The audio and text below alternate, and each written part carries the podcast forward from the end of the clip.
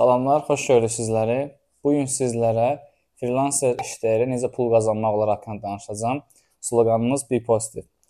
Bu həm podkast kimi Spotify, Apple Podkastda dinləniləcək. Həmçinin YouTube-da da əgər istəsəniz daxil olub izləyə bilərsiniz. Çünki mənə çoxlu suallar gəlirdi. Upwork ilə bağlı aşağıda adını qeyd edirəm saytın upwork.com saytı, hansı ki freelancer sərbəst işləyərək pul qazanmaq üçün. Mən hər kəs kimi deməyəcəm ki, bu iş asandır, tez qazanmaq olur. Xeyr, bu belə deyil. İlk öncə sizə mən burada mərhələlər necədir? Upwork-da siz ilk öncə bir profil yaratmalısınız, amma profildə öz işinizlə bağlı olmasa belə daha tez başlaya biləcəyiniz işlər tərcümə işidir. Hansı ki, Azərbaycan ingiliscə tərcümə edə bilərsiniz və yaxud hansısa şirkətlər ola bilər ki, ingilisdən Azərbaycan sizdən tərcümə istəsinlər. Çünki Azərbaycanı siz bildiyinizə görə onlar istəyirlər ki, Azərbaycanlı olsun və yaxud rus dilli, türk dilli də ola bilər. Amma türk dilli məsləhət görülmür, çünki bilməyə də bilərsiniz. Bu normaldır. Amma digər məsələlərdən biri isə ə, məsələn saytlar var və yaxud proqramlar var, hansı ki, test eləmək istəyirlər Azərbaycanda. Ə, həm ə, belə deyək, megabaytla 4G, 4G ilə, 3G ilə və yaxud Wi-Fi ilə, VPN ilə test eləmək istəyirlər ki, Azərbaycanda həqiqətən bu sayt işləyirmi? və yaxud bu proqram işləyirmi, mesaj yazmaqdır. Çünki mənə də bu hallar baş verib. Və yaxud ola bilər ki, hər hansı bir şirkət haqqında və yaxud ə, e, məsələn burada şirkət açmaq istəyirlər, hər hansı bir sənədləşmə işlərini sizdən soruşmaq istəyirlər. E, bu məsələləri artıq siz biləndən sonra artıq onlar sizə belə deyim müraciət edə bilirlər. Amma burada yenə də qeyd edim ki, ə, e, siz artıq mütəxəssis olandan sonra artıq 1 saatı 7, 10, 15, 20, 50, 100 Yəni get-gedə qiyməti qalxa bilər. Amma ilk öncə siz daha ucuz başlamalısınız. Yəni 3 dollar ə, e, təklif edirsiniz ki, ə, e, qarşı tərəf bəzən olur şirkətlər ki, ə, e, elə işlər var ki, məsələn tərcümədir. Məsələn mən mütəxəssisəmsə, mən 10 dollar edirəmsə, yeni başlayanlar bunu 3 dollar edir və şirkət də əlbəttə burada maliyyə tərəf pulu fikirləşdiyi üçün ə, daha ucuza gedir. Amma əlbəttə keyfiyyəti yoxlayır. Ona görə siz yeni başlayanda 3 dollar, 4 dollar qeyd edə bilərsiniz ki, saatlıq işiniz belədir. Və gələk məsələyə. İlk öncə F-Work saytını qeyddən keçirsiniz. Qeydiyyat çox asan mərhələdir. Daha sonra profil doldurursunuz. Məsəl üçün gördüyünüz işlərdir, oxuduğunuz universitetdir. Qeyd etməyə də bilərsiniz, amma kurslar, sertifikatlar bunlar varsa onları qeyd edə bilərsiniz. Təcrübələriniz, könüllü işləmisinizsə, bunları qeyd edə bilərsiniz ki, yəni sizin bir fəaliyyətiniz olub. Yəni sizin bir ə, ingilislər background ilə, yəni sizin bir keçmişiniz var. Yəni siz bu işləri görmüsünüz ki, onlar sizə etibar edə bilərlər. Daha sonra isə burada ödənişləri çıxartmaq üçün Pioneer saytı var. pioneer.com saytı. Orada qeyddən keçirsiniz. Daha sonra isə saytı bir-birinə bağlayırsınız. Pioneer-də isə hansı bankda hesabınız varsa onu qəbul edirsiniz, yazırsınız ora, şəxsiyyət vəsiqəsini göndərirsiniz və Pioneer onu təsdiqləyir. Təsdiqləyəndən sonra burada iki cür var. Biri var, Upwork-dan siz pulu qazananda pul qazanandan 2-3 gün sonra təsdiq gəlir və təsdiq olandan sonra artıq siz E, Pioneer hesabı göndərə bilərsiniz. E, orada müəyyən bir faiz tutur. Əvvəl 4%-dir, indi desən 2%-dir. Daha sonra Pioneer hesabından siz öz bank hesabınıza pul göndərəndə ə, əlbəttə ki, orada konvertasiya olur. Dollar gəlir, manat olur sizin kartınızda və yaxud dollar kartınız varsa dollar kartınıza gələ bilər. Burada da müəyyən bir faiz olmalıdır. Səhv eləmirəmsə 10% olmalıdır. Ə, amma istəsəniz Pioneer-də belə bir şey var ki, siz əgər 6 ay ərzində əvvəl müddət yox idi, artıq müddət var 6 ay ərzində əgər 100 dollar və 100 dollardan yuxarı bir ödənişi Upwork və yaxud digər saytlardan Pioneer hesabı qəbul e, göndərirsinizsə, belə deyək, artıq Pioneer sizə bir kart göndərir, Mastercard göndərir və pul onun balansında. Və siz Pioneer hesaba pul köçürdəndə artıq sizin kart hesabında olur və istədiyiniz vaxt buradan pulları çıxarda bilərsiniz.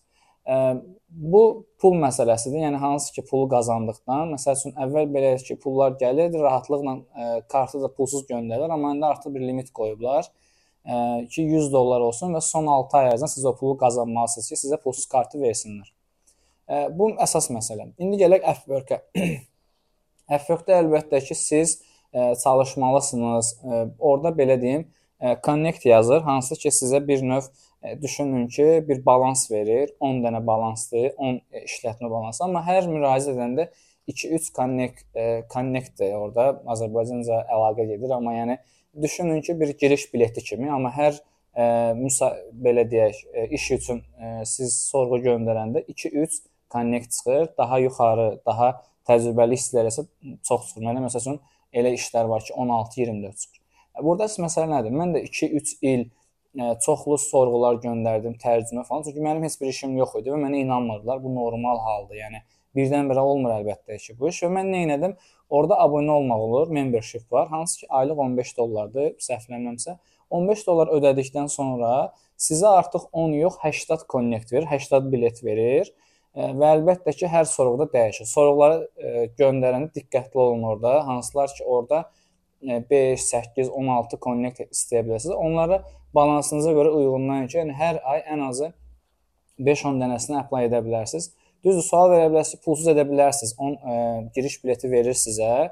Amma bu 1 ay üçün azdır və yeni başlayanlar üçün bu azdır nəyə görə? Çünki ə, sizin heç bir işiniz yoxdur və insanlar sizə inanmırlar və siz o abunəliyi qazanmış olanda sizi daha önə çıxardır və müştərilərə önərir ki, bu müştəri yenidir, amma bizə abunə olub, keyfiyyətli iş görür.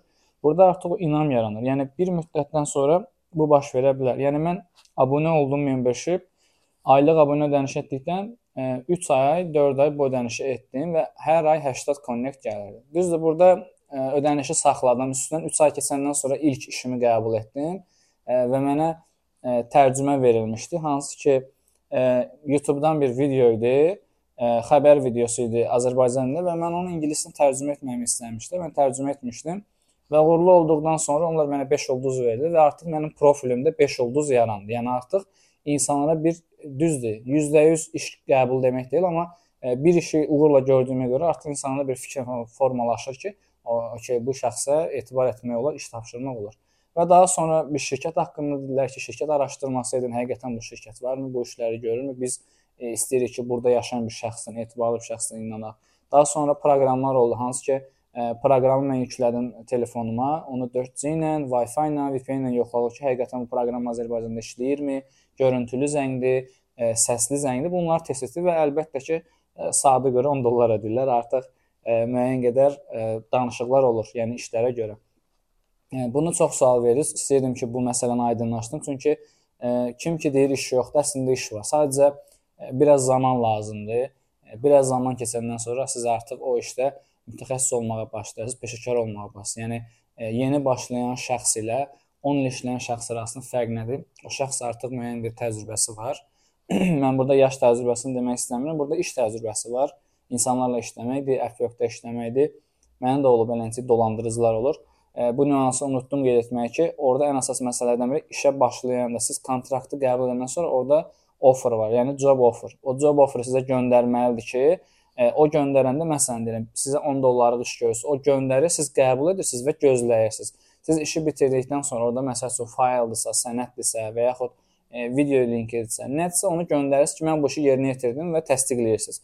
Daha sonra isə qarşı tərəf təsdiqləyir. Əlbəttə ki, burada e, yalançılar, fırıldaqçılar da olur. Hansısa deyir ki, bu işi bir dənə tərcüməni eləmək üçün e, mənə geri dönüş edin. Siz tərcümə edib göndərirsiniz və offer e, iş təklifi olmadığı üçün e, o sənədi götürür, qabağa düşür, siz ödəniş almırsınız. Ona görə hər zaman sorğunu göndərəndə qəbul edin. E, kontrakt, yəni müqaviləni qəbul edirsiniz.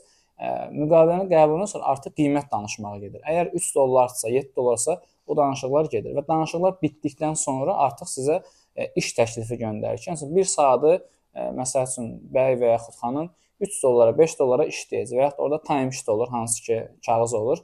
Qeyd edirsiniz ki, məsələn, bu gün 1 saat işlədim, elə işlər də var. Məsələn, məndə olub indi hələ də davam edir iş. 2 dəfə test eləmişik proqramı, amma hələ də davam edir və mən bu gün 1 saat işləmisəm ki, saat 10 dollardır. Növbəti gün 2 saatsa 20 dollar və artıq ə, e, bu proqram üzərində testlər getdiyi üçün mənə də qəşəng pul gəlir. Yaxşı pul qazana bilirəm. Amma ə, e, qarşı tərəf də görür ki, mən can atıram, onlara kömək etmək istəyirəm və bu onlarda müsbət hal yaradır və onlar indidən də qeyd etdilər ki, bu sizinlə birinci işimizdir proqram testinə.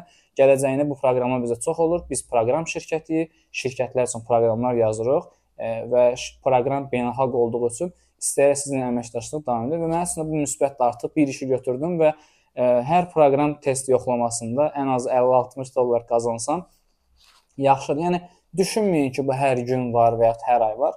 Ə, sərbəstdir işte adından göründüyü üçün. Bir ay ola bilər, bir ay olmaya bilər. Ona görə heç zaman pes etməyin və belə işləriniz hər zaman olsun. Yəni daimi işinizdən əlavə belə işləriniz olsun. Sevdiyiniz ə, fotoqraflıqdır, məsəl üçün sosial şəbəkələr üçün reels çəkməkdir, e, videoları səsləndirmək. Yəni istənilən işin sadəcə bir e, qarşınıza məqsəd qoyun ki, mən bu işi istəyirəm və başlayın davam etməyə. Çünki orada səs e, var. Məsəl üçün e, Pakistan və Hindistandan var ki, kinoları Azərbaycanla tərcümə etmək istəyirlər və axtarırlar ki, ə, səsləri yaxşı olsun, studiyada danışa bilsin, o natiqlik qabiliyyəti yaxşı olsun. Ona görə bu məsələlər var. Əgər suallarınız olarsa, əlbəttə ki, olacaq yəqin ki. Ə, əgər bunu podkastda dinləyirsinizsə, Spotify, Apple-da daxil olarsınız, YouTube-da şərh bölməsinə yazarsınız və yaxud sosial şəbəkələrdə mesaj yazaraq mənə ə, suallarınızı yazın, mən sizə ətraflı cavablar verim. Ümid edirəm ki, bu sizlər üçün faydalı oldu. Videonu bəyənməyi, paylaşmağı unutmayın. Çünki çalışıram sizlərə faydalı məlumatlar ötürüm. Ən əsası biz bunu reytinq üçün etmirik. Çünki yalandan deyim ki, əf yoxdur, hər ay siz 1000 dollar qazanırsınız. Xeyr. Çünki mən bunu deyə bilərəm. Sual verirsiniz ki, deyin. Desəm bəli, reytinq qazana bilərəm, video baxışları, e, izləyici sayı arta bilər. Mən bunu istəmirəm. Mən real olmaq istəyirəm. Yəni mən özüm də buna əziyyət çəkmişəm. Yəni 3 il mən də əf yoxdur, dayanmadan apply elədim. Hamıdan soruşdum ki, məndə niyə olmur? Axı sən qazana bilirsən, mən də qazanmaq istəyirəm. Passiv gəlir kimi də, yəni hər gün yox, amma ay ərzində 2-3 ayda bir dəfə olur. Və hamı deyir ki, sadəcə səbirli ol, işinə odaqlan, işinə fokuslan olacaq. Və olub istəyirəm ki, indi sizlər də bu işi görəsiniz və siz də passiv gəlir kimi gəlirlərinizi daha da artıra bilərsiniz. Dinlədiyiniz üçün təşəkkür edirəm.